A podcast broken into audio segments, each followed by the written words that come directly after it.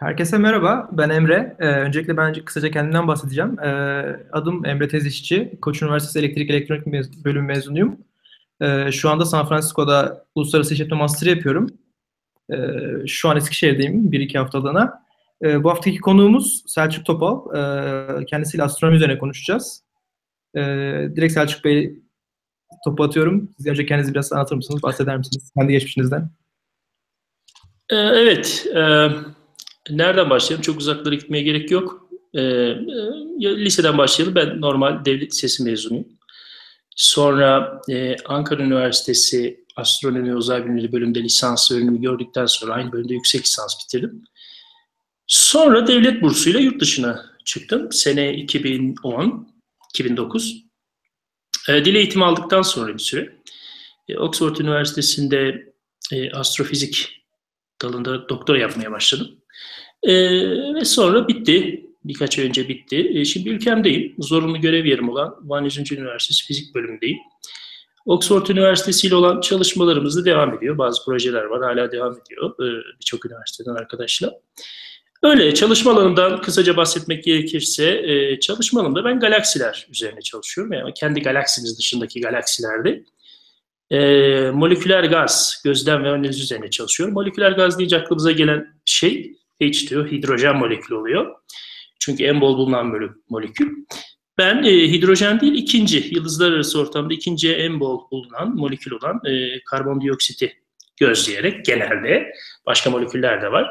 E, gazın e, analizini yapıyorum. Yıldız oluşum bölgelerinin galaksi evrimi vesaire gibi konulara çalışıyorum. Şu an çalıştığım konular bunlar. Çok teşekkür ederiz. Ee, ilk sorumuza başlayalım dilerseniz. İlk evet. sorumuz e, astronomi ile astrofizik arasındaki fark nedir?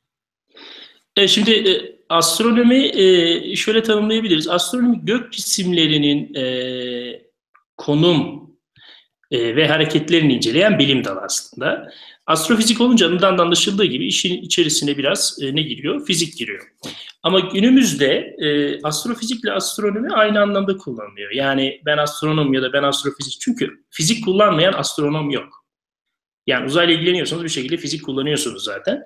O nedenle astronom ya da e, astronomi ya da astrofizik ikisinden birini kullansanız fark etmiyor günümüzde. Anlamları aynı diyebiliriz yani artık. Çok teşekkür ederiz. Ee, bir sorumuz. Ee, bu bölüm Türkiye'de var mı? Varsa hangi üniversitelerde var? Veyahut da hangilerini tavsiye edebilirsiniz? Ee, şimdi zaten e, çok fazla üniversitede yok. Bu nedenle olan tüm e, üniversiteleri tavsiye ediyorum hemen ilk başta. e, hangi üniversitelerde var? Ben mesela Ankara Üniversitesi mezunuyum. E, İstanbul Üniversitesi'nde var. E, Çanakkale 18 Mart Üniversitesi'nde var. İzmir Ege Üniversitesi, Kayseri Erciyes Üniversitesi ve Antalya Akdeniz Üniversitesi'nde var.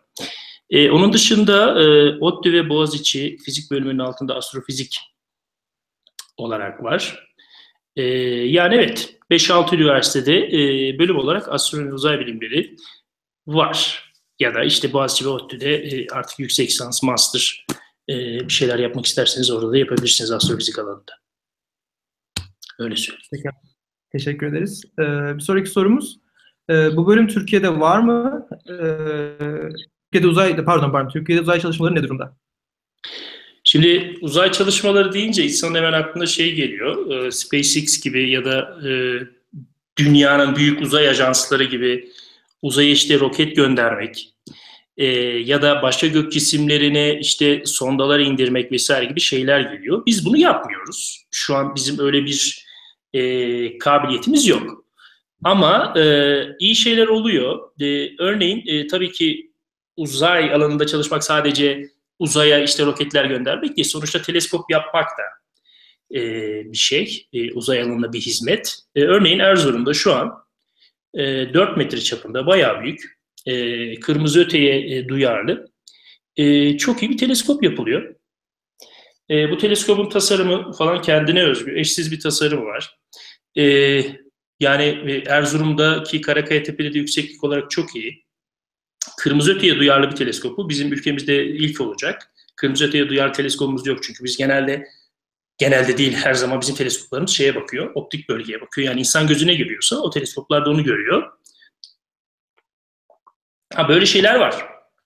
onun dışında Türkiye Uzay Ajansı, eminim bunu birçok insan duymuştur haberlerde. Ee, ne oldu? En son gelişme ne? Ee, meclise geldi. Ee, bir aşamayı geçti. Sanırım şu an sonuçlanmasını bekliyor. Eğer sonuçlanırsa, kurulursa bir idari yapı oluşturulacaktır.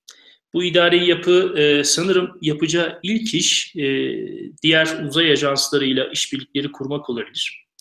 E, sonra e, gerekli mühendislik, altyapı çalışmaları vesaireler başlayacaktır. Daha sonra da bilimsel e, kısımlar oluşturulacaktır. Yani atıyorum mesela sen e, işte atıyorum kozmoloji çalışmak istersin astrofiziğin altında ya da başka biri kimya, astrokimya çalışmak ister, astrobiyoloji çalışmak ister ya da kimi roket yapacaktır vesaire. Mühendislik anlamında bir şeyler yapmak ister. Yavaş yavaş olgunlaşacaktır. Yani e, umutsuz olmaya gerek yok. E, çünkü dünya o yöne gidiyor. Yani siz ne kadar kendinizi böyle geriye çekmeye çalışsanız da e, dünya gittiği zaman o yöne siz de gitmek zorundasınız. Yani bundan kaçamazsınız. Yani sonuçta bir uzay ajansı kurulacak. E, bu umarım burada ortak endişemiz şu olabilir. E, şimdi böyle bir e, kurum gerçekten çok önemli ve seçilen insanları da görevlendirilen insanların e, gerçekten o alanda görevlendirdikleri birimde ne bileyim uzman insanlar olması lazım. Yani işte sen benim amcamın olsun gel şurada şu müdürlüğü al olmaz. Yani bu uzay ajansı hani roket yapacaksın. O nedenle e, biraz şey ciddi davranmamız lazım ama ben eminim e, bu acemilikler geçecektir. E, iyi bir uzay ajansına sahip olacağız. Ben e, şu an ortaokulda, lisede e, öğrenim gören arkadaşlarım e, çok iyi bir geleceğin beklediğini düşünüyorum bu anlamda. Çok teşekkür ederiz cevabınız için. Ee, sıradaki sorumuz e, SpaceX hakkında ne düşünüyorsunuz? SpaceX çok havalı. Ee, zaten şeyi çok iyi kullanıyorlar. Yani bu e, artık e, sosyal medya, sosyal medya gücünü kullanacaksınız. Reklamınızı iyi yapacaksınız ve güzel işleri imza atacaksınız. SpaceX arada en parlayan şirketlerden biri. Uzay ajanslarından işler alıyor. Tekrar kullanılabilir roketler, işte gönder uzay aracını artık neyse o bırak yörüngede sonra insin roketin ana gövdesi tekrar doldur tekrar kullan. Geçenlerde yaptı bunu. Ee, e, onun dışında e, sadece SpaceX değil kim var? E, Blue Origin var. Blue Origin'i e, kuran kişi Amazon'un da sahibi. Yani para bir şekilde e, e, Amazon gibi ya da ne bileyim e, PayPal gibi e, kurumlardan geliyor. Sen bunu uzaya aktarıyorsun. Bir şekilde uzay turizmi başlatıyorsun e, ya da işte e, diğer e, uzay ajanslarının işlerini alıyorsun. Yani e, öyle bir gelecek var ki İkinci Dünya Savaşı'ndan sonra başlayan Soğuk Savaş döneminde ne oluyordu? Amerika ile Rusya birbiriyle yarışıyordu.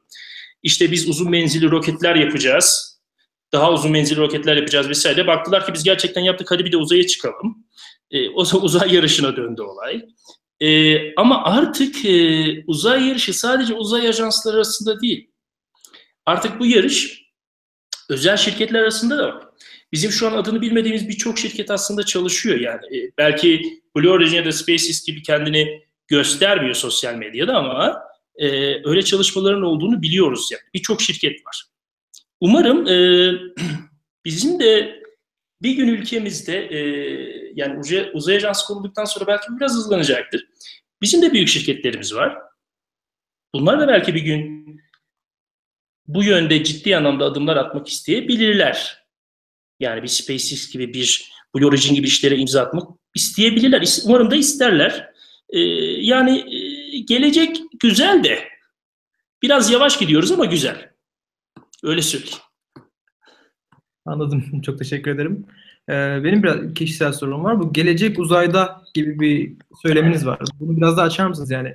Neler olacak ileride? Neler bekliyoruz? Orada ne var? Yani e, şöyle şimdi yani geçmişte bazı şeyler insanlar hayal ediyor. E, o zamanlar çok saçma geliyor. En basiti şu.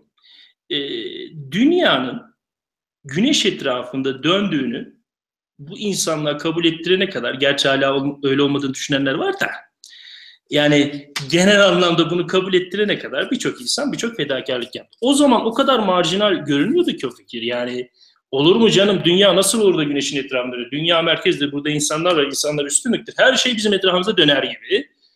Böyle bir insan bencilliği e, hakimdi genelde dinlerin etkisi altında. Ama biz artık biliyoruz ki dünya güneşin etrafında dönen, sıradan ve aynı zamanda eşsiz bir gezegen. E, gezegen tanımlanıyor sıradan bir gezegen ama bildiğimiz yaşam barındıran tek gezegen. Şimdi evrene baktığınız zaman aslında buna evrene bakmanıza da gerek yok. Yani bizim evrenin yaşını göre kısa hayatlarımıza baktığınız zaman ne oluyor? Biz yaşıyoruz, doğuyoruz, yaşıyoruz ve ölüyoruz. Yani biz oluşturan atomlar bir şekilde başka forma dönüşüyor. Başka şekilde başka yaş- yaşamlar olarak geliyor. E demek ki bir çevrim var. E demek ki bu gezegen sonsuza kadar yaşamayacak. Çünkü bizim enerji kaynağımız güneş sonsuza kadar yaşamayacak. E bu da ne demek oluyor? Ama burada bir tane parantez açıyorum. Ee, eğer insanlık bu gezegeni mahvetmezse, yani kendini yok etmezse, bir yerden sonra zaten yani her şeyi doğal akışına bırakırsa, e, çünkü güneş evrimleştikçe e, inanılmaz şekilde sıcaklığı artacak dünyanın. E, belki hatta bundan binlerce yıl sonra belki yer altına çekilmek zorunda da kalabiliriz. E, ya da Mars planları yapılıyor ki çok gerçekçi planlar bunlar. Mars'a gideceğiz belki. E, ya da öyle bir teknoloji geliştireceğiz ki belki en yakın yıldızda etrafında dolanan o yaşam barındığını düşündüğümüz gezegene gideceğiz. Yani biz burada dünyaya geldik ama burada kalamayacağız. Yani e, bir şekilde gitmek zorunda kalacağız. O nedenle gelecek uzayda diyorum. Yani e, herkes bunun bilincinde olsun. Çünkü bu bilinç sayesinde siz e, birincisi e, ülkenizde, dünyada uzay bilincini kavramış nesiller yetiştirirsiniz. İlla uzay bilimleriyle ilgilenmek zorunda değil bu vatandaş ama bunun bilincini kapmış olur. E, ve e, bir gün, o gün geldiği zaman siz iyi bir altyapı oluşturmuş, insanlık uzayın e, önemini kavramış ve aynı zamanda bizim yaşam barındırdığı bildiğimiz tek gezegen dünyanın da önemini kavramış bir ırk olarak yolumuza devam ederiz. Ama tabii bu biraz şey gibi görünüyor şimdi, ütopya gibi görünüyor. Çünkü insandan bahsediyoruz. E, şimdi sokağa çıkıp baktığın zaman ne oluyor? E, ağaçlar kesiliyor, binalar dikiliyor, işte e, buzullar eriyor. Çünkü karbondioksit seviyesi durmadan artıyor atmosferde. İklimler çok ciddi, aşırı sıcaklar, aşırı soğuklar oluyor. E, dünya bunu geçmişte yaşamış mı? Yaşamış. Yani her zaman diyorum siz dünyayı yok edemezsiniz. Dünya neleri geçti? Yani dünya sana mı kaldı be adam diyorum bazen. Sen mi yok edeceksin? Dünyaya bir şey olmaz. Sen ancak kendini yok edersin. Yani dünya bir tane daha buzul çağ yaşar. Belki ondan sonra tekrar yaşam filizlenir. Yani o nedenle gelecek uzayda. Burada doğduk ama burada ölmeyeceğiz. Bizim hedefimiz e, evrenin derinliklerine yelken açmak. Bu. Çok ederim. Çok açıklayıcı cevap oldu. Umarım öyledir. Sıradaki sorumuza geçiyorum. Ee, gençliğimizin bu alandaki ilgisini arttırmak için neler yapabiliriz? Sizin tavsiyeleriniz nelerdir? Aslında benim e, yani benim etkileşim içerisinde olduğum e, ülkemin birçok şehrinde hem online hem de şahsen giderek seminerler verdim. E, ben gençlere çok güveniyorum. Ben e, mesela memleket konusunda negatif bir şeye düştüğüm zaman, bir moda büründüğüm zaman bir seminer veririm. Oh derim bak ne güzel insanlar var, ne güzel insanlar geliyor. İçlerinden iki tanesi bile canavar gibi ise bana yeter. Çünkü bir insan dünyayı değiştirir. Şimdi gençlerin e, kafasında, bizim de e, senin de lise zamanında oldu değil mi? Kafanda çelişkiler vardı. Ne yapacağım, ne edeceğim, hangi mesleği seçeceğim vesaire. Bunlar normal. Burada anormal olan şeyler aileler yani anne babalar da çocuktu zamanında. Onların anne babaları da çocuktu değil mi? Onlar da bu kaygıları yaşadılar. Ama bir şekilde çocuğuna nasıl davranacağını öğrenemediler. Yani kendi çocukluklarını bir düşünemediler. Yani her zaman diyorum ailelere yani çocuğunuzun neye ilgili olduğunu bulmaya çalışın. Çocuğunuza sen tıp oku ya da ne bileyim sen işte e, öğretmen ol ya da sen şunu dayatmayın. Adam belki olmak istemiyor, belki uygun değil. Yani onu bulmaya çalışın, o yönde destekleyin. Önce çocuğun ilgisini, bu ilgi illa ki uzay bilimleri olmak zorunda değil. Heykel yapmak istiyordur belki, heykeltıraş olmak istiyordur. Ya belki bale yapmak istiyordur adam. Belki çok iyi bir müzisyen olmak istiyordur. Yani insanların, çocuğunuzun becerisinin ne olduğunu anlamaya çalışın anneler babalar. Zaten bunu anladıkları zaman çocuklarını doğru yönlendirebilecekler ya da destek olabilecekler ve şu an gençliğimizin bu anda ilgisini arttırmak için ne yapabiliriz sorusunu bana sormayacaksın mesela bundan 20 yıl sonra. Çünkü onlar bilecekler çünkü bilinçli aileler tarafından yönlendirilecekler için. E, benim de hayalim bu yani. E, ama e, tabii benim kendi alanında konuşursa ben bunu her alandaki insan, sosyal bilimler olsun, doğa bilimleri olsun, e, bilim insanları yaptıkları çalışmaları sokağa çıkıp anlatmalı. Yani böyle şeyler olmalı. Bakın siz buna vesile oluyorsunuz. Ne güzel değil mi? Birçok bilim dalından insanı çağırıyorsunuz, sohbet ediyorsunuz.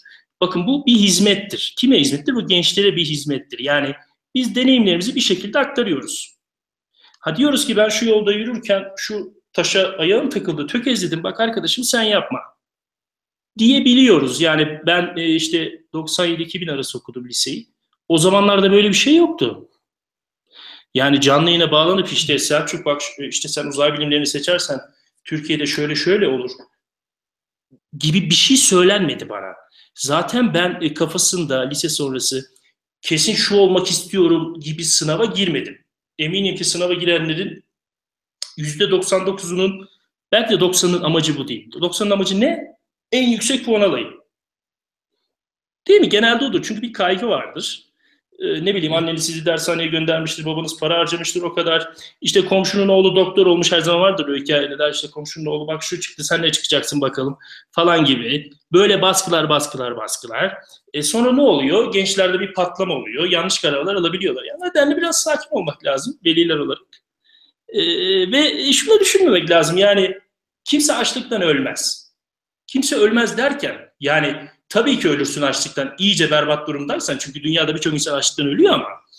E, şimdi çocuğunuz illaki atıyorum A bölümünü okumak zorunda değil hayatta başarılı olmak için. Ya da çok para kazanmak için. Ya da hayatın anlamı çok para kazanmak değil. Sevdiğin işi yapacaksın. Bu kadar basit. Sevmediğin işi yapıyorsan hayat sana zaten zehir. istediğin kadar. E para al. Ne yapacaksın yani? O yüzden sevdiğin işi yap. Ömür kısa. Keyfine bak biraz da yani keyfine bakmanı yok. Sevdiğin işi yapacaksın. Zaten o sana başarıyı getirecek. Bu kadar basit. Çok fazla konuşuyorum. Ben sana demiştim öncesinde bak. E, susmuyorum ben. Neyse. Burada ben burada keseyim de. Yani ben de size kesinlikle katılıyorum. Herkes sevdiği işi yapmalı. Ee, ve de derneğimiz amacı olarak da yani bir kişiye bile ulaşabiliyorsak, bir kişinin bile düşüncesini etkileyebiliyorsak, ona yardım edebiliyorsak bizim amacımız bu zaten. Siz de bunun evet. aracı oluyorsunuz. Çok teşekkür ederim zaten tekrardan. Ne güzel, ne güzel. Ee, sıradaki sorumuza geçelim isterseniz. Evet. Sıradaki sorumuz e, anladığım kadarıyla Oxford'dan sonra Van'a gelmişsiniz. Neden geldiniz? Sizin için zor oldu mu? Karşılaştırmanız mı? Gelmek zorundaydım. Birincisi neden geldiniz? Gelmek zorundaydım. Çünkü e, burası benim zorunlu görev yerim.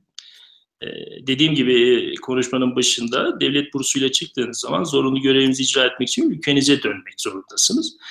E, zaten benim amacım da akademisyen olmaktı, galaksiler çalışmaktı. E, yani ülkeme döndüm ve çalışıyorum, çalışmamı yapıyorum.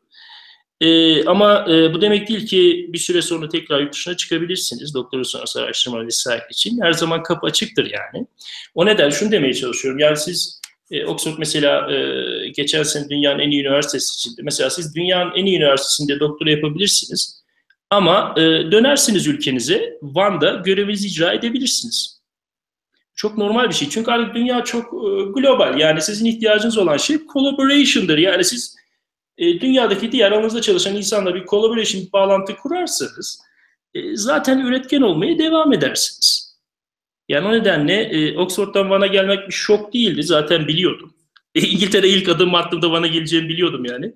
Bazen espri yapıyorum hatta çünkü one, İngilizce'deki one kelimesine benziyor. Aynı pronunciation ya bu söyleyiş tarzı. Bazen diyorum işte number one'dan one'a geldim arkadaşlar diye seminerlerinde falan gülüyoruz. Ee, yani e, rahatsız olduğum bir durum yok. E, çalışmalarım devam ediyor. E, ama tabii şimdi şöyle bir şey var. E, şimdi burada da biraz samimi olmak lazım. Yani yurt dışındaki üniversitelerle e, yurt içindeki üniversiteleri karşılaştırdığınız zaman e, sanırım ilk göze çarpan şey, e, tabii bu dok- yüksek lisans ve doktora düzeyindeki eğitim için konuşacağım. Çünkü ben onu yaptım yurt dışında. E, olanaklar. Yani bölümde e, sizin bir belli bütçeniz olur. Seminerlere vesaire gitmek için. Onun dışında astronomi ne kullanır astronom ya da astrofizik? Bir teleskop kullanır eğer gözlemsel çalışıyorsa. Teleskoplara projeler yazar. Mesela Oxford ile bağlantınız varsa dünyanın istisnasız her teleskopuna proje yazarsınız. Ama e, eğer o teleskopun çünkü o teleskopun yapımında Oxford Üniversitesi ya da İngiltere ya da işte o üniversitenin olduğu ülke neyse belli bir para vermiştir. Belli bir gözlem zamanı almıştır. Siz de PI olarak o gözlem zamanına başvurabilirsiniz. Ama e, işte o teleskop, bazı teleskopların işte yüzde yüzlük gözlem zamanı yüzde ikisi non-member ülkelere verilir mesela. İşte sen o yüzde ikilikte zaman kapmaya çalışacağını yüzde 98'likte zaman kapmaya çalışmış oluyorsun. Yani avantajım e, benim açımdan konuşursak. Yani böyle avantajları var. Bu bir fizikçi için, bir kimyacı, kimyacı için, bir biyolog için belki de çok iyi laboratuvarlara sahip olmak olabilir. Ama ülkemizde tabii çok iyi laboratuvarlara sahip olan üniversite var ama genele yaydığınız zaman durumun böyle olmadığını hepimiz biliyoruz. E, dünyada da genelde de durum böyle değildir. E, ama e, düzey daha yüksek. Yani onu onu kabul etmek lazım. Çok teşekkür ederim e, cevabınız için. E, sıradaki sorumuz e, astronomi okuyup yüksek lisans tamamladıktan sonra ülkemizde yapabileceğimiz işler nelerdir diye düşününce aklıma kısıtlı şeyler geliyor. Neler yapabiliriz? Diye evet ben e, doğru yani sonuçta e, siz üniversite okuyorsunuz tamam diyelim hadi ben her zaman diyorum ya sevdiğin işi yap. Okey sevdiğin işi yaptın. Güzel la la la la la okudun. Çok iyi çok iyi doktora yaptın geldin. E hayat böyle devam etmiyor. Tabii herkes evlenmek istemeyebilir ama insanoğlu çoğunlukla ne yapar? Evlenirsin, çoluğun çocuğun olur. Yani bir şekilde bir gelire ihtiyacın vardır. Düzenli bir hayat kuracaksın vesaire. O nedenle nerede çalışırım, nerede iş bulurum, nasıl sosyal haklarım olur? Bunlar önemli konulardır. Gerçekten kafaya takacak konulardır.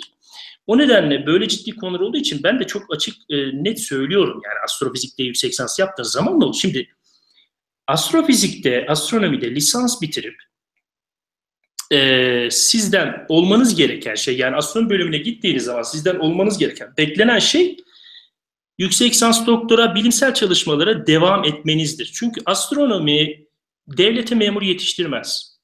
Yani kamuya memur yetiştiren bir bölüm değildir. Çünkü astronomiden mezun olduktan sonra KPSS'ye girersen biliyorsun sen e, şey değildin Kaliforniya'daydın ama biliyorsun Türkiye'de KPSS var. KPSS'ye girersen e, karşına seçenek olarak astrofizik, astronomi ve uzay bilimlerine e, güvenlik görevlisi olur. Bir. İkincisi Diyanet işlerinde bu namaz hesapları güneşin açılarına göre belirlenir. Onu bir astronom belirler. Orada iş bulursun bir kişilik kadro vardır. Ha, onun dışında ben her zaman bunu söylüyorum. Bu hangi bölüme giderseniz gidin böyledir. Artık 40 yıl öncesinde değilsiniz. Çünkü nüfusumuz gerçekten arttı bunu neredeyse yarısından işte %30'u genç nüfus. E, herkes mezun. 192 tane üniversite var. Sen bir iş, iş yerine başvuruyorsun. 3000 kişi başvurmuş. Kaç kişi alınacak? 3 kişi alınacak. O zaman sen belli farklarla öne çıkman lazım. Yani işte Ayşegül ya da Ahmet ben seni niye alayım? Kara kaşın kara gözün için almayacağım ben seni. Bak orada 2998 kişi var. Onlardan farkın ne? O, o nedenle diyorum ki eğer siz doğa bilimleri okuyorsanız yani kesinlikle artık yabancı dil bileceksiniz yani. Bunun artık hiç tartışması bile yok. E, yabancı olması lazım zaten. Bir de programlama dili bilin. E, bir tane programlama dili bilin. Zaten bir tane programlama dili bildiğinizde diğerleri size basit gelecektir. Yani bunları bilin. E, ya, CV'nizi her zaman zengin tutun. Yani atıyorum ODTÜ'de fizik bölümüne gidiyorsunuz ya da Anadolu'nun başka bir üniversitesinde fizik bölümüne gittiniz diyelim. Bir saniye. Görüyorsun ben non-stop konuştuğum için suya ihtiyacım oluyor. Ee, e, eğer siz öğrenciliği, ilk yıl genelde ne olur? Çok fazla ders olur. Arkadaşlar tanımak, kafeye gidelim. Bir okey oynayalım falan. Ee, işte bak yine sevgilim oldu. Ona zaman geçirdik. Hay hayat harika süper. İki yıl e, biraz daha böyle e, ciddiyetini kavradınız. Üçüncü, dördüncü yıla geldiği zaman yahu bölüm bitiyor ben ne yapacağım acaba diye düşünmeye başlarsın. Şimdi bazı bölümler vardır ki astronomi için konuşuyoruz. Akademik kariyerdir. Hani ilk başta sizden beklenen. O zaman sen CV'ni zengin tutmak için akademik kariyer yani yüksek lisansa başvuracaksın ya da doktoraya başvuracaksın. Adam senin CV'ne bakacak. Programlama dili biliyor musun bakacak. İngilizcen nasıl bakacak. Sen, önemlidir burası, sen yurt içi, yurt dışı etkinliklere katılıyor musun, katılmıyor musun? Hangi alanda çalışmak istiyorsun? Çünkü lisansı bitirene kadar bu astronomi çünkü çok geniş bir alan. Bunun kozmolojisi var, exoplanet var. İşte benim gibi galaksiler çalışırsın, moleküler gaz vasıtasıyla ya da başka dalga boylarında çalışırsın. Bunu kafanda şekillendireceksin. Diyeceksin ki hocam ben şu konuyu çalışmak istiyorum sizinle vesaire. Ya da hocan sana önerecek. Bir alan seçeceksin. Yani sevdiğin alanı bulman lazım. Ya da o alanda lisans boyunca etkin olduğunu göstermen lazım hocana. İlişkiler çok önemli e, sınıf içerisinde. Yani en iyi öğrenci olmaya bakın sınıf içerisinde. E, ve bu işi sevip sevmediğinizi anlamaya bakın. Lisans boyunca zaten programlama dersleri vesaireler alacaksınız. İyi bir bilgisayar programcısı olmaya bakın. E, İngilizce dili bilen iyi bir e, bilgisayar programcısı, yazılımcı e, nasıl iş bulabiliyorsa teoride astrofizikte lisans yapmış biri de bulur. Teoride bulur. Ama sen A şirketine başvurduğun zaman adam bilgisayar mühendisliğine özgü mesela bilgisayar mühendisi arıyorsa onu bilgisayar mühendisliği bölümünden gelen adama işte ilk önceliği verir değil mi? Hani astronomiden gelene değil. Ha, bunun da bilincinde olun. Yani e, onu demeye çalışıyorum her zaman. Seviyorsanız astronomi zaten gerisi gelir. Heyecan yapmayın. E, e fazla kendinizi germeyin yani onu söylüyorum. Çok teşekkür ederiz. Çok işten bir cevap oldu bence.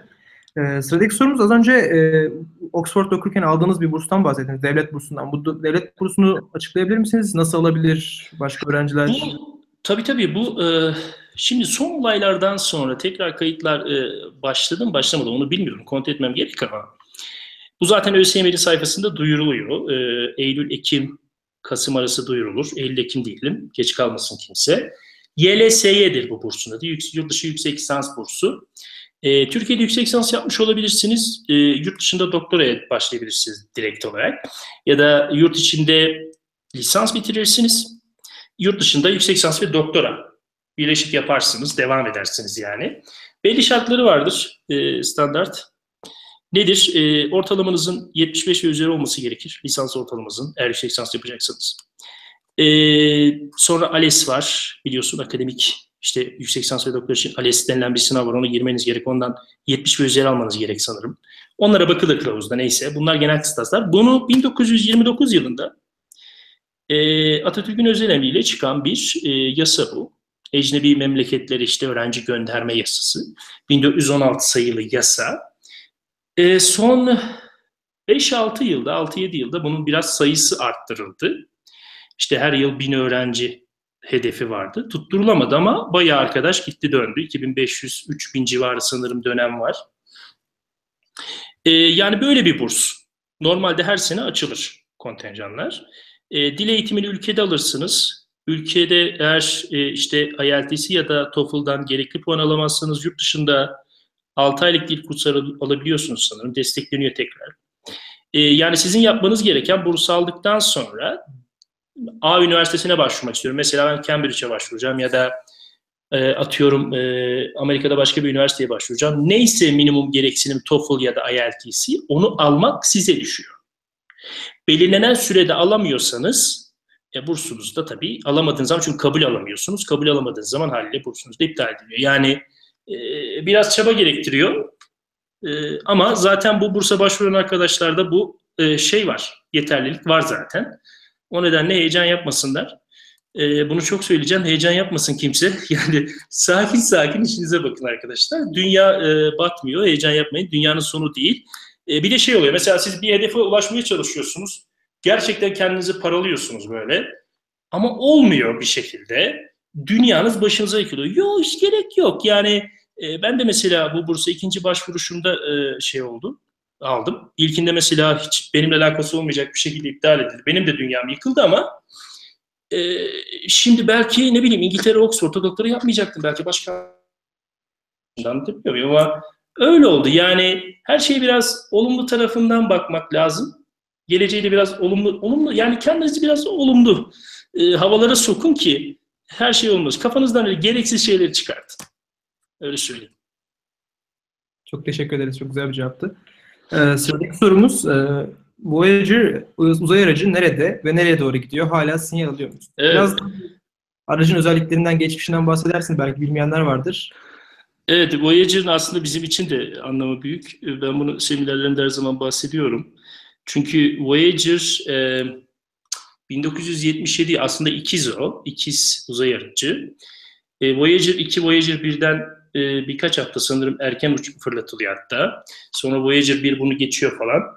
E, şu an Voyager 1 20 milyar kilometreyi geçti gidiyor. Yani e, Plüton'u falan geçti. Güneş sisteminin dışına çıktı diyoruz. Yani e, o yıldızlar arası ortama yani iki yıldız arasındaki ortama oradaki o radyasyonu aldıkları için cihazlarla oraya geldik dediler. Hani ilk kez e, insan yapımı bir araç evinden kalktı.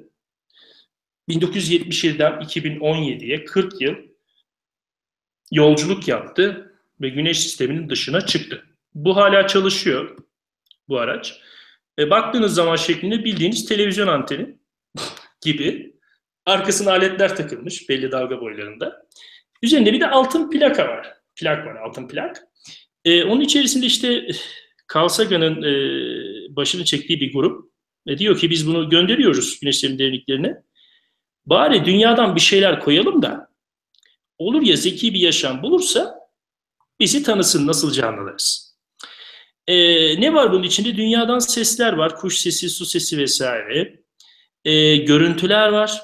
E, şarkılar var. E, ve e, ne var? Ses kayıtları var. Yani greetings var. Hani sormuşlar Hindistan'a işte Hintliler bakın bu güneş sistemin dışına gidecek. Buna ne mesaj vermek istersiniz? Yani uzaylılar aldığı zaman onlara ne söylemek istersiniz demişler. Bunlar da bir şeyler söylemiş. İşte İngilizler demiş ki dünyanın çocuklarından merhaba. Amerikalılar demiş ki dünyanın çocuklarından merhaba. İşte hello from the children of planet Earth demiş mesela. E, Japonlar demiş ki işte merhaba nasılsınız? Kısa kesmiş konuşmayı merhaba nasılsınız demiş. Bu kayıt şu an 20 milyar kilometrede gidiyor. Yani bir uzaylı bulsa taksi o plağı bir şey uygun bir makine dinleyeceği şey bu. Türkler e, içinde Türkiye'nin Türkçe mesajda şu. E, sayın Türkçe bilen arkadaşlar savaş şerifleriniz hayır olsun. Yani bu bizim Türkçe orijinal mesajımız. Şu an Voyager üzerinde 20 milyar kilometreye geçti gidiyor. Uzaylı bulursa aha bunu dinleyecek. Yani e, bizim açımızdan önemi o Voyager'ın. Ama dediğim gibi en önemli yanı Güneş'in dışına çıkan ilk uzay aracı oluşu. Ve evet hala sinyal alınıyor. İlginç. 40 yaşında bir araç hala çalışıyor. Gerçekten ilginç. O kadar uzakta radyasyon ve soğuk. Yani evet. Çalışması ilginç. Sıradaki sorumuz çok teşekkür ederim bu arada. Ee, biraz bir topik olur belki ama uzaylılar var mı? Yok yok topik değil. Yani e, sorsan e, şu an sokaktaki herkese var var kesin var diyecek. Çünkü televizyon programlarını açtığınız zaman e, kafası e, normal insanlar gibi çalışmayan insanlar diyorum ben onlara. Yani e, uzaylılar iç içe olduklarını, UFO'ları her zaman gördüklerini iddia eden insanlar var. Yani görüyorsunuz HD kalite bir fotoğraf görüyorsunuz. Güzel boğaz manzarası ama 3-5 piksellik siyah bir karartı görüyorsun. Bak balkonumdan gördüm ben bu UFO işte falan deniyor. Ee, ama şöyle de ilginç bir şey var. Yani insanın yani eğitim almasına da gerek yok şu söyleyeceğim mantığı, mantığı yürütmesi için.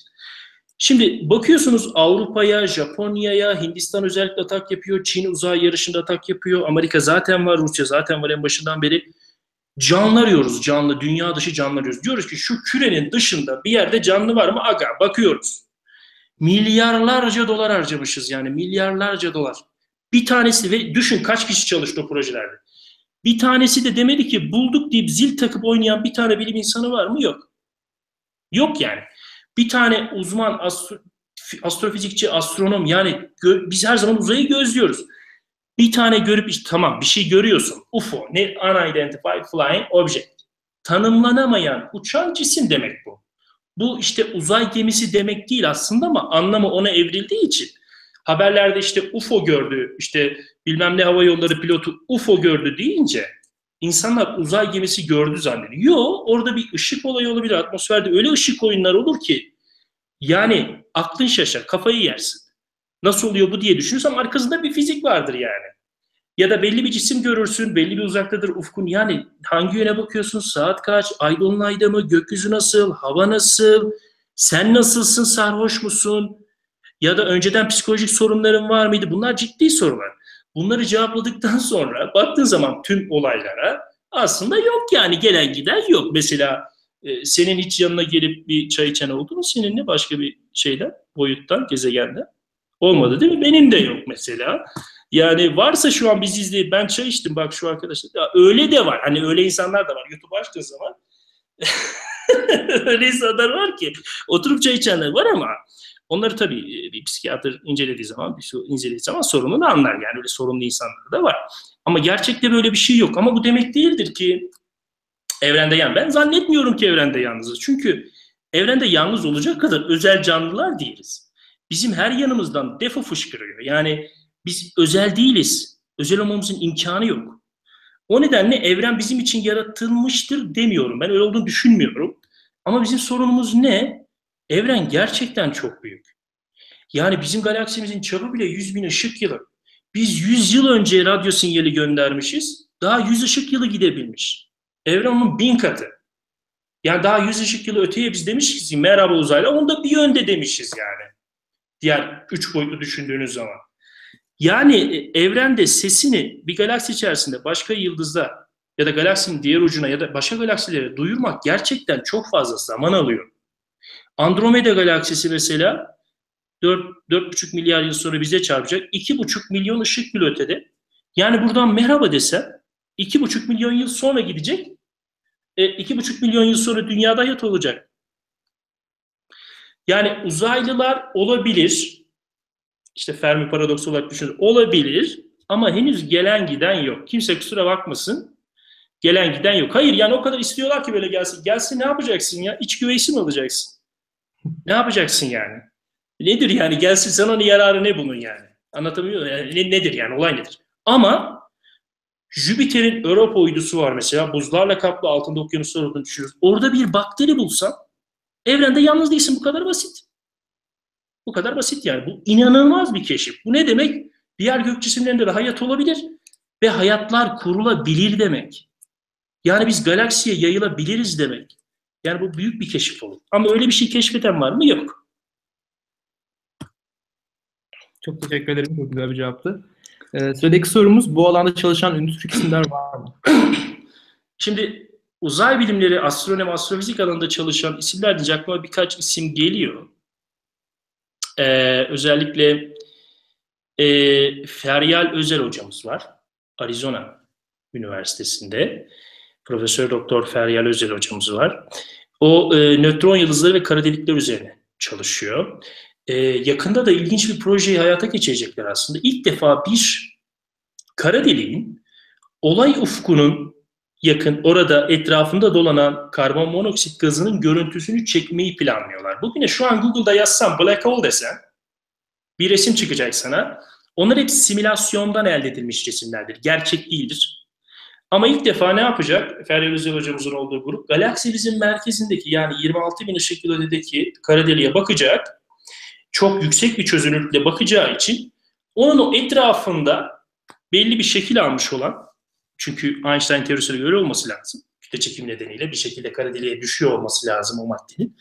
O diski görmeyi planlıyorlar ve bu ilk olacak. Yani çok önemli o nedenle. Onun dışında Harvard Üniversitesi'nden iki isim söyleyebilirim. Biri e, işte Bülent Kızıltan hocamız. Nötron yıldızları ve süpernova artıkları ve kara delikler üzerine çalışıyorlar. Hatta geçenlerde e, inanılmaz bir makale yayınladı. Tüm e, popüler bilim sitelerinde, dergilerinde haberleri çıktı. Neyi buldu? E, şimdi kara delik baktığınız zaman stellar black hole dediğimiz işte yıldızların e, ölümüyle oluşan küçük kütleli kara delikler var. Orta kütleli kara delikler var. Bir de galaksilerin merkezindeki süper kütleli kara delikler var. Bu ikisini gözlüyoruz da ortadakini pek bulunmuyordu orta kütleli kara delik.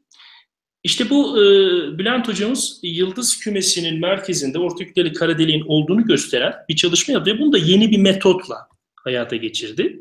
O nedenle çok iyi bir çalışma. Astrobiyoloji alanında e, Betül Kacar hocamız var. O da Harvard'da. Onunla birkaç seminer verme fırsatı bulduk online. Çok çok şeker bir insan. İnanılmaz işlere de imza atıyor. Ee, onun dışında Türkiye'de e, şu an Sabancı Üniversitesi'nde Profesör Doktor Mehmet Ali Alpar var. pulsarlar ve nötron yıldızları üzerine e, tanınmış isimlerden biri. E, sadece Türkiye'de değil, dünyada da öyle. E, fizikçilerden kimi önerirsiniz derseniz e, ODTÜ'de Bilge Demirköz Hoca var. İnanılmaz işlere imza atıyor. Yani onun verdiği seminerleri izlerseniz zaten zevk alırsınız. Çok iyi bir anlatış şekli var. Ee, yani anlatırken e, hissediyorsunuz işini nasıl severek yaptığını. Ee, sonra Cambridge'de Mete hocamız var. Mete Atatürk'e. O da çok inanılmaz işler yapıyor. Kuantum fizikçisi kendisi. Ee, o var mesela. Ya da e, bazen bana şey soruyorlar işte kozmoloji bizim ülkemizde pek çalışan bir şey değil. Yani evrenin nasıl başladığı, nasıl evrimleştiği, nereye gitti bunu inceler kozmoloji. Pek çalışılmıyor ülkemizde. Ama benimle aynı dönemde Ankara Üniversitesi'nde okuyan bir arkadaşımız var. Ayçin Aykut diye. Şu an Georgia Tech'te kendisi. E, computational kozmoloji çalışıyor. Yani simülasyonlar yapıyor. Genelde kara delikler nasıl beslenir, nasıl büyür onun üzerine çalışıyor. O da ilginç bir çalışma alanı. Evet yani aklıma gelen isimler bunlar. İlginç e, işlere imza atan insanlar. Çünkü ünlü deyince benim aklıma geliyor. Yani bana ilginç gelen ya da dünyaya ilginç gelen astronominin belli konuları üzerine çalışan insanlar geliyor. Bu isimler geldi hemen aklıma. Çok teşekkür ederiz. Kendilerine bize buradan başarılarının devamını diliyorum. Evet. Ee, sıradaki sorum e, gezegenler arası seyahate ne zaman başlayabiliriz? Gezegenler arası seyahate ne zaman başlayabiliriz? Dünya ne zaman başlar? Ee, dünya başladıktan sonra üçüncü dünya ülkelerine ne zaman bu fırsat eline geçer bilmiyorum. Belki de hiçbir zaman geçmeyecek. Ee, gezegenler arası seyahat yani bizi en yakın uygun müsait gezegen Mars gibi görünüyor.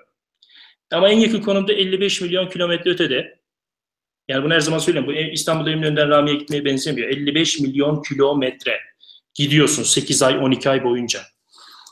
Ee, sanırım şimdi NASA'nın ya da diğer uzay şirketlerinin hatta SpaceX'in biraz da erkene çekme planı var ama 2035-2040'lara kadar insan göndermeyi düşünüyorlar. Ee, şu an çok gerçekçi geliyor mu? Yani onu gör, herhalde 5-10 yıl içerisinde göreceğiz onu gerçekçi olup olmadığını. Ee, ama bu 100 yıl içerisinde bu 100 yıl içerisinde ben %100 eminim ki Mars'a bir insan ayak basacak. Ondan yana ondan yana şüphem yok. Teşekkürler. Sıradaki sorumuz yine bununla alakalı bir soru. Mars veya başka bir gezegene koloni kurmak mümkün mü? Mümkün. Kesinlikle mümkün. Yani bence bu bizim zaten damarımızda var anladın mı? Yani çünkü bizi oluşturan bu atomlara baktığın zaman işte en bol bulunan element hidrojendir diyoruz. Evrene baktığın zaman da ilk oluşan element zaten hidrojen. En bol bulunan element hidrojen. Evrenin parçasısın. Evren 13.8 milyar yıl yaşında. Sen 4.5 milyar yıl yaşındaki bir gezegen üzerinde yaşıyorsun. Yani sen yokken 9 milyar yıl yaşında bir evren vardı. O atomlar seyahat ettiği belli mo- moleküller oluştu. O moleküler gaz bulutları sıkıştı sıkıştı. Yıldızlar etrafında gezegenler, kuyruklu yıldızlarda yaşam barındıran amino asitler vesaireler geldi. Gezegene ve oluştuk vesaire. Yolculuğa baktığın zaman zaten biz uzay gezginiyiz yani. Bu bizim damarımızda var. Yani bizi şurada tutmaya çalışsan tut, tutamazsın zaten. Bir yerden sonra uzaya çık- çıkacaktık biz yani. Bu bizim kaderimizde var. O nedenle biz Mars'ta da koloni kuracağız Belki e, gaz devleri olan Jüpiter, Satürn'ün uydularında da belki koloniler kuracağız, karasal uydularında. E, ya da bize en yakın yıldızda geçenlerde, geçen yıl keşfedildi. Bize en yakın yıldız yaklaşık 40 trilyon kilometre ötede. Onun etrafında dolanan hayat barındığını düşündüğümüz bir gezegen var. Belki ona gideceğiz, beş çayına gideceğiz belki oraya. Yani bunlar olmayacak şeyler değil ama bizim tek handikapımız şu yine biziz. Neden biziz? Çünkü e, dünyada gerçekten çok fazla nükleer başlık var, nükleer silah var. Yeşili katlediyoruz. Tatlı su sorunu çok büyüyor giderek. Zaten biliyorsun birçok ülkede, Afrika'da vesairede susuzluktan ölen bebekler var, çocuklar var.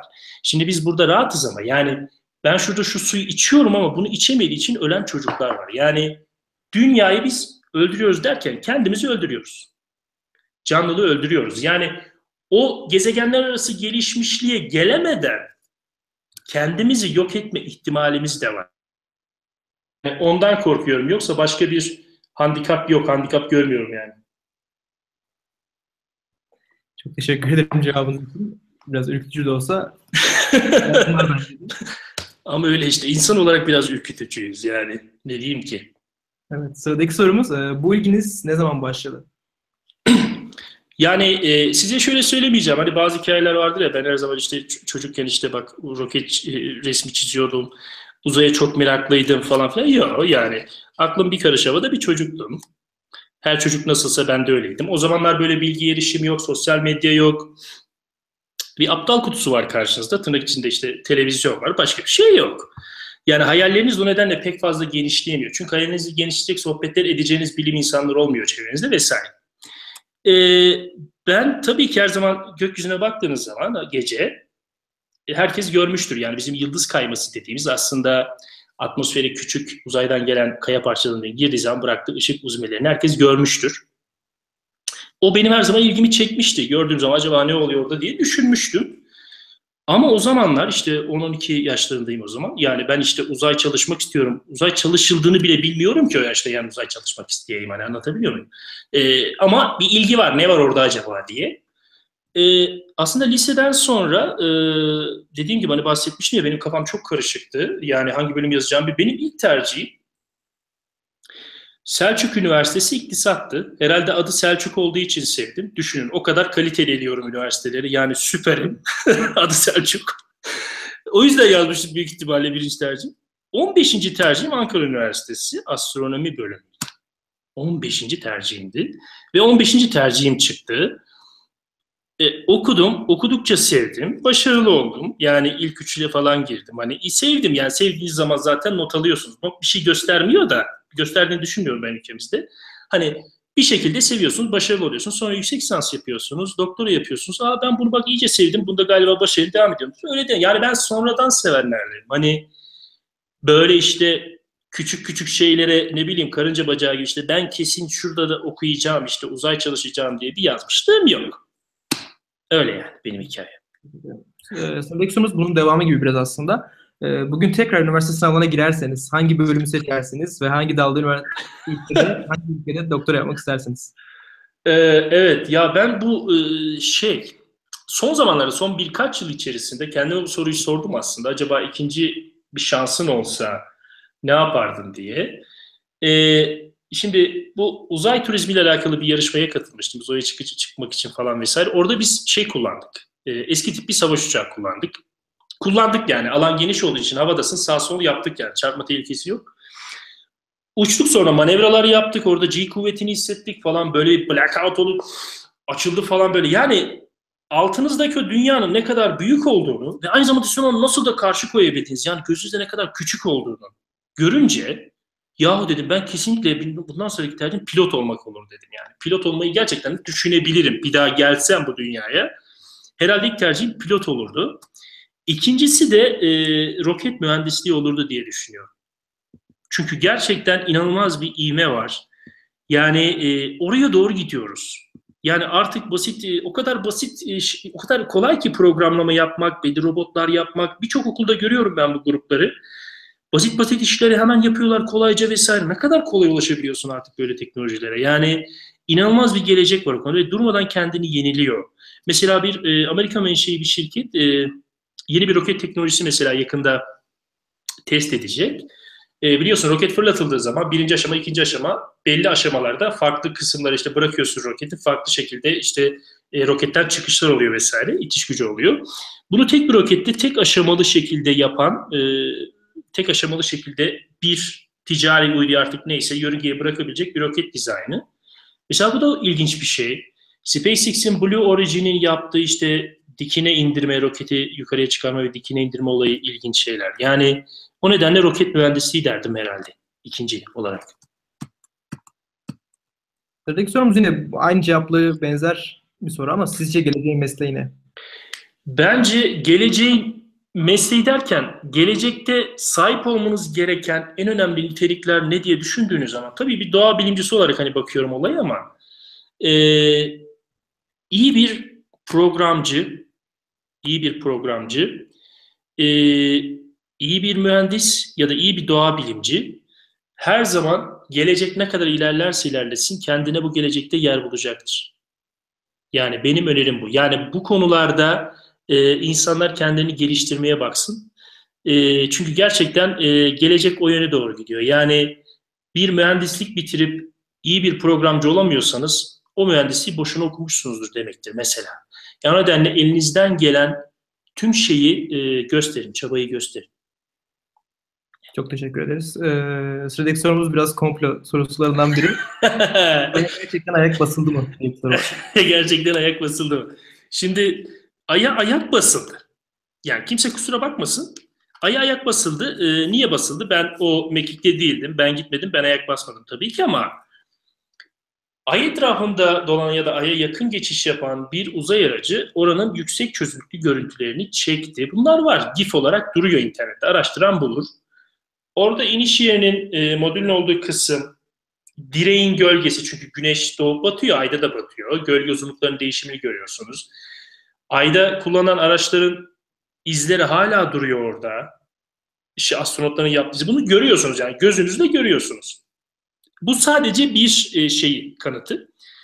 Ve Ay'a gidilmediğini iddia eden tüm komple teorilerine baktığınız zaman, bakın bir tane Wikipedia sayfası var onun için, güzel listelemiş.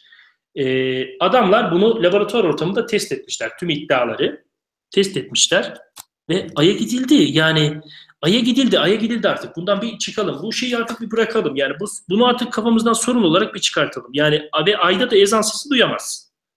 Öyle şeyler de çıkıyor ya işte astronotlar gitmiş, ezan sesi duymuş ve Müslüman olarak dönmüşler diye. Ezan sesi duyamazsın çünkü ses boşlukta yayılmıyor. Ses dalgasıysa bahsettiğimiz elektromanyetik dalga değil, ses dalgası yayılmıyor yani. Oradan megafondan cemaati çağırsan kimse seni duymaz. E ses yayılmıyor. Yani böyle şeyler inanmaz. İşte bu neden oluyor biliyor musun? Şeye geliyoruz. Hep bu temel şeye geliyoruz. Doğa bilimleri. Şimdi sen lisede temel bilimleri doğru veremediğin zaman böyle insanlar büyüyorlar. Baba oluyorlar, anne oluyorlar. Böyle şeyler çıkıyor inanıyorlar. Çocuklar da bunları dinliyor falan filan. E, görüyor musun? Eğitim şart diyoruz yani bazen bazen çok espriydi bir dönem o. Eğitim gerçekten şart yani. Eğitim çok önemli bir şey.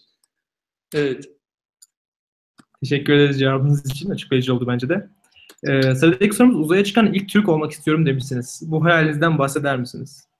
Bu bir yarışmaydı yani bu 10-15 yıl sonra e, eğer ölmezsek e, çok sıradan bir hal alacak bence bu. Yani 100 bin doları 50 bin doları veren herkes e, 100 kilometre üzerine çıkacak. Dünyayı şöyle güzel küre şeklinde görecek. Sonra inecek. Ha, commercial astronot dersiniz ya da uzaya çıkan kişi dersiniz ya da turist dersiniz vesaire uzay turisti dersiniz. Bu bunun bir şeyiydi yani. İlk e, ciddi yarışmalarından biriydi. Yani Buzz Aldrin vardı falan jüri üyesi. NASA'nın bahçesinde falan bir hafta kamptaydık vesaire. O ön elemeydi tabii. Ondan sonra seçilenler e, uçmadan önce ciddi eğitimi alınacaklardı bildiğim kadarıyla birkaç ay kadar.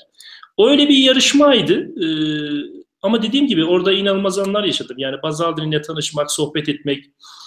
E, hatta e, İstanbul'dan biraz bahsetti. İstanbul'a gelmeyi çok istiyorum falan demişti sohbet ederken. Hiç gelmemiş. Ben de sordum geldi mi diye. Gelmemiş hiç. Yani çok şeker bir insan, e, esprili bir insan. Sonra dediğim gibi yani ben e, ehliyetim yok benim, araba kullanamıyorum ama kullandığım ilk motor taşıt bir uçak oldu eski tipte olsa. O da ilginç bir yanı. Yani benim bende bırakan çok bende bıraktığı çok fazla güzel anı var.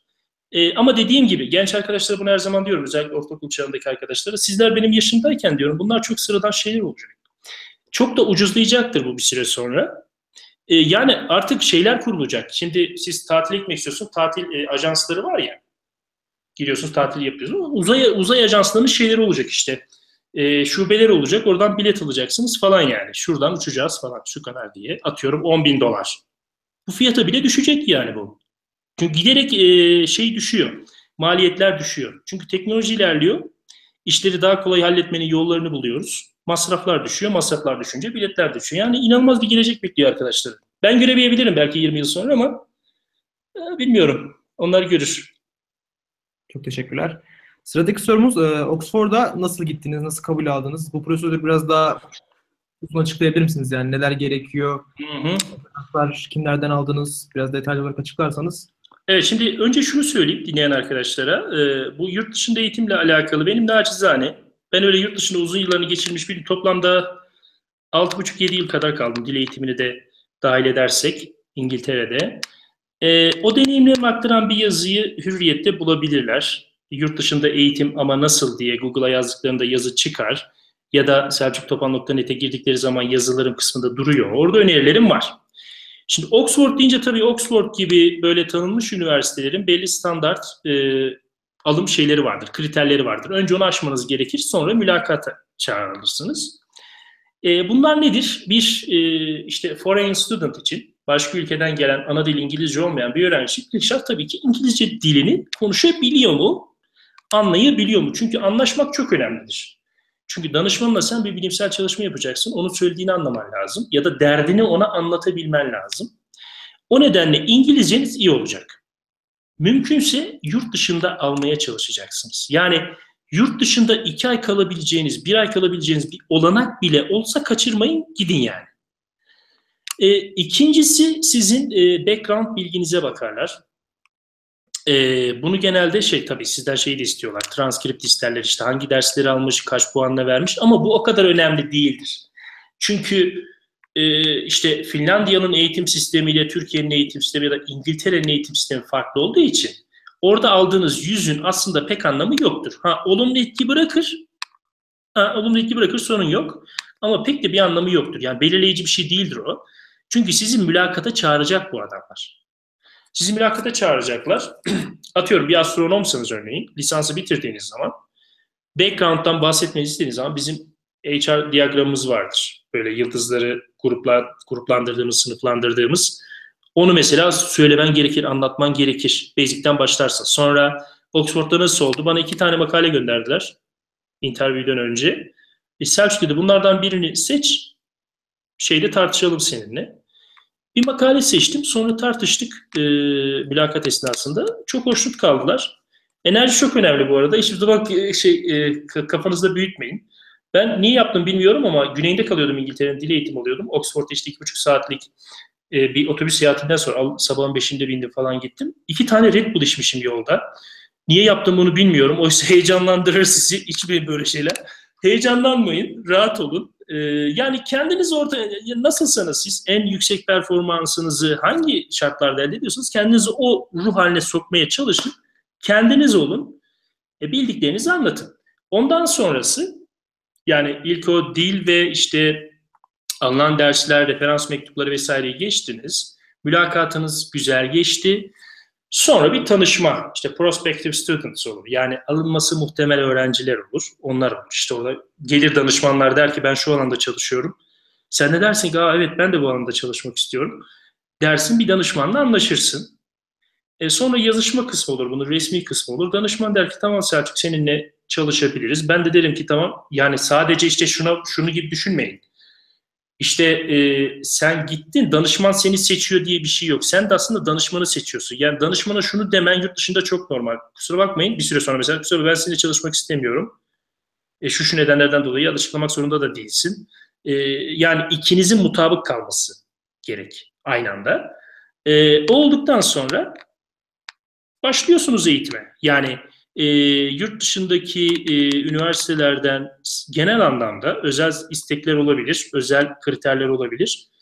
E, genel anlamda kabul almanın e, şartı bu. Çok teşekkür ederim. Umarım etkili olmuştur herkes için, düşünenler için yardımcı olmuştur diye düşünüyorum. Sıradaki sorumuz e, uzay asansörü nedir? Gerçekten böyle bir şey mümkün mü? Bu çok güzel bir mühendislik sorusu. E, eminim bunun derinlemesini araştıran mühendis arkadaşlar vardır. E, çünkü uzay asansörünü yerden başlatıp atmosferde yukarılara çıktıkça başka kuvvetler e, devreye girmeye başlayacaktır vesaire. İlginç bir mühendislik ama bazı şeyler e, bu konuda e, okumuştum, araştırmıştım. E, sanırım çok da mümkün olacak bir şey değil.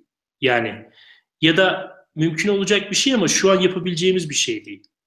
E, ama uzay asansörüyle e, ne yapmayı planlıyoruz? Amacımız ne? Önce onu kararlaştırmak. Yani uzay asansörü yapacaksın da niye yapacaksın? Yani atıyorum 105 kilometreye uzay turisti mi göndereceksin mesela? Buradan işte basacaksın düğmeye, çıkacak asansör şeye kadar 105 kilometre. Amacımız ne yani? Hani bilimsel bir şey var mı bize? Katkısı var mı? Bu konu bu tamamen mühendislik e, sorusu. Eğer YouTube'da bizi izleyen mühendis arkadaşlar varsa eminim daha güzel yanıt verirler buna. Teşekkür ederiz. Ee, bu arada süremizin sonuna geliyoruz. Son bir iki soru var. Ee, ondan sonra Uzatabiliriz. Benim için bir sorun yok. 5-10 dakika uzayabilir yani. Sorun yok benim için. Tamam. Teşekkür ederim. Ben soruları sorayım. Ee, sıradaki sorumuz sizce Türkiye'deki eğitim sistemi değişmeli mi? Yani evet. iyi yanları nedir, kötü yanları nedir? Bu her zaman şeydir değil mi? Yani e, hangi eğitim şeyinden seviyesinden geliyorsa gelsin sokakta çıksan işte birine sorsan ya bizim eğitim sistemi bozuk abi. Bunu herkes der. Yani ben çocukluğumdan beri kendim bildim bileli bu cümle dolaşıyor çünkü sokaklarda. Ama sorunun ne olduğunu bilen yok. Demek ki hala çözemedik. Yani herkes konuşuyor ama sorunun ne olduğunu bilmiyoruz. Ben size sorumu söyleyeyim yani. Bunu geçen Twitter'da da yazmıştım. Çünkü artık gına gelmişti eğitim sisteminde sorun var diye duymaktan. Bizim insanımızda sorun var. Bizim bence ailelerimizde sorun var. Ailelerimiz eğer bilinçli bireyler yetiştirse, çoğunluk için konuşuyorum, çoğunlukta bu böyle oluyorsa tabii ki böyle aileler vardır. O bilinçli aileler bilinçli insanlar yetiştirir. Ne bileyim yani dünyadaki eğitim sistemini iyi analiz eden, Türkiye'nin kendi yapısına uyarlayabilen vesaire bunlar da belli yerlerde görevli alır ve daha iyi bir eğitim sistemine kavuşuruz gibi. Ama daha bir eğitim sistemine kavuşuruz demekten kastım temelde daha bir iyi bir aile anne babaya sahip oluruz. Eğitimli anne babaya sahip oluruz. Bence bunu hallettiğimiz zaman zaten eğitim sistemi diye bir sorun falan kalmayacak yani. Bence sorun bizde. Önce bunu çözmemiz lazım. Çünkü aileler çocuklarını bir koleje verirken kaç tane soru çözdürdünüz bu hafta diye soruyor yani. Kaçta? 10 bin. Aferin. Eğer başka bir okul yüz dersi hemen çocuğumu alıyorum ben senden için. Sanki hayat soru çözmek. Yani çöz babam çöz, çöz babam çöz. çöz. Bu değil ki yani. Bu mu? Böyle bire yetiştirdiğin zaman e ne oluyor? Soru cevap, soru cevap, soru cevap. Soru cevap mı hayat? Hayır. Hayat o aralarda gizli aslında. Hayatın bir anlamı var yani. Soru cevap değil ki hayat. E, aileler böyle gördüğü için eğitim sistemini yani en iyi eğitimi veren okul en çok soru çözdüren okuldur diye düşündüğü için çoğunluğu e, eğitim sistemi de böyle yani. Yapacak bir şey yok. O yüzden de aileleri düzeltmek lazım önce. ya da şöyle diyelim bizi dinleyen genç arkadaşlar bugün çektiğini düşündükleri acılardan, çilelerden ders alsınlar. iyi bir anne baba olsunlar. Bu mahpus kaderimiz bundan 10-15 yıl sonra onların çocukları sayesinde kırılsın artık diyelim. Umuyoruz ki bunlar hepsi gerçekleşsin. Çok güzel umutlar. Süremizin sonuna geldik. Biz sizden son bir gençliğimize tavsiyeleriniz nelerdir? Neler yapmalılar? Neler öneriyorsunuz? yani hay- hayat o kadar o kadar şey ki böyle karmaşık ya da çok farklı kolları var, çok farklı şekilleri var. Yani ben onlara e, hayat hakkında bir şey verecek düzeyde değilim. Bunu verecek insan olduğu yoktur zaten. Ama nacizane kendi alanımda hani bir akademideyim sonuçta e, bir araştırma yapıyorum belli bir bilim dalında. E, biz de öğrenci olduk, geçtik bu alanlardan. Ama bizim zamanımızdaki koşullarla şimdikiler çok farklı. Önce onlara tavsiyem lütfen çağı yakalasınlar. Yani e, uzmanı olmak istediğiniz, yapmak istediğiniz iş 1980'de neyse şimdi öyle değil. O gelişti artık, değişti. Yani onun güncelliğini her zaman takip edin. Yani çıkıp şunu demeyin ben lastiği icat edeceğim demeyin. Lastik zaten icat edildi. Basit bir örnek. Yani kendi alanınızda ben şunu yapacağım demeyin. Yani yapılan çalışmaları takip edin. Kendinize bir hedef belirleyin. Bir öngörü çünkü onları takip ettiğiniz zaman son 20 yıldaki ilerlemeyi bir öngörüde bulunabilirsiniz gelecek 20 yıl içerisinde. O nedenle buna dikkat edin. Çok fazla da böyle üzerinize yüklenmeyin. Yani ya ben şu sınavdan şunu alamazsam dünyam zehir olur. Ben şu üniversiteden şu bölüme gidemezsem mahvolurum. Öyle bir şey yok. Öyle bir şey yok yani. Hayat her zaman bir şekilde yolunu bulur. Sizin yapmanız gereken tek şey şudur. Siz samimiyetle, bakın samimiyetle yani çalışın, elinizden geleni yapın. Göreceksiniz bazen tökezlersiniz ama eninde sonunda siz belki şu an farkında bile olmadığınız bir bilim alanında iyi bir bilim insanı olacaksınız. Ya da illa bilim insanı olmak zorunda değilsiniz. Hayatın başka farklı alanlarında şu an aklınıza bile gelmeyen mesleği seven, ya ne kadar da seviyormuşum ben bunu fark etmemişim hiç lisede, üniversitede diyeceğiniz belki meslekler olacak. O nedenle her zaman geleceğe yönelik pozitif bakın. Lütfen kendinize fazla yüklenmeyin. Hayat zaten çok kısa. Hayatın da biraz tadını alın. Yani her şey soru çözmek değil. Aradaki dengeyi kurmayı öğrenin yavaş yavaş. Yani normal hayatınızda sizin iş hayatınız, akademik hayatınız vesaire bunların dengesini kurmayı öğrenin. Ve hiçbir zaman aklınızdan çıkarmayın. Yani siz ne meslek sahibi olursanız olun, siz simit de satabilirsiniz, holding sahibi de olabilirsiniz, siz belki Mars'a giden ilk Türk de olabilirsiniz. E zaten ilk Türk olursanız birazdan diyeceğimi farkında anlamış olursunuz ama, farkında varmış olursunuz ama. Gelecek uzayda. Yani uzayla alakalı işlere bulaşmaya çalışın. Eğer doğa bilimlerini seven insanlarsanız bulaşmaya çalışın. Ee, ve böyle. Yani nacizane benim söyleyeceğim bu. Ve bir sorunuz olursa da bana ulaşın. Yani e, herhangi spesifik bir sorunuz olabilir. Sorusu olursa arkadaşlar bana ulaşsın cevaplıyorum ben zaten. Biraz uzun sürüyor bazen çünkü çok yoğunum ama cevaplıyorum. Cevaplamadığım yok herhalde. E, öyle diyeyim. Ve herkese ne diyeyim? E, mutluluklar diliyorum herkese. Başarılar diliyorum. Kendinize çok iyi bakın. Ve tabii ki size de bu fırsatı verdiğiniz için çok teşekkür ediyorum. Ve her konuşmamın sonunda dediğim gibi son kez şunu söyleyeyim. Benim sonlarım bitmiyor ama bu son gerçekten. Ben şimdi burada son bir saat e, içerisinde nasıl konuştum, nasıl bir beden dili kullandım, neler yaptım falan filan şu an zihnimde yok. Ben de bu yayından sonra izleyeceğim. O nedenle her ne sürçülisan ettiysem affola. Kusura bakmasın kimse. Kendinize çok iyi bakın.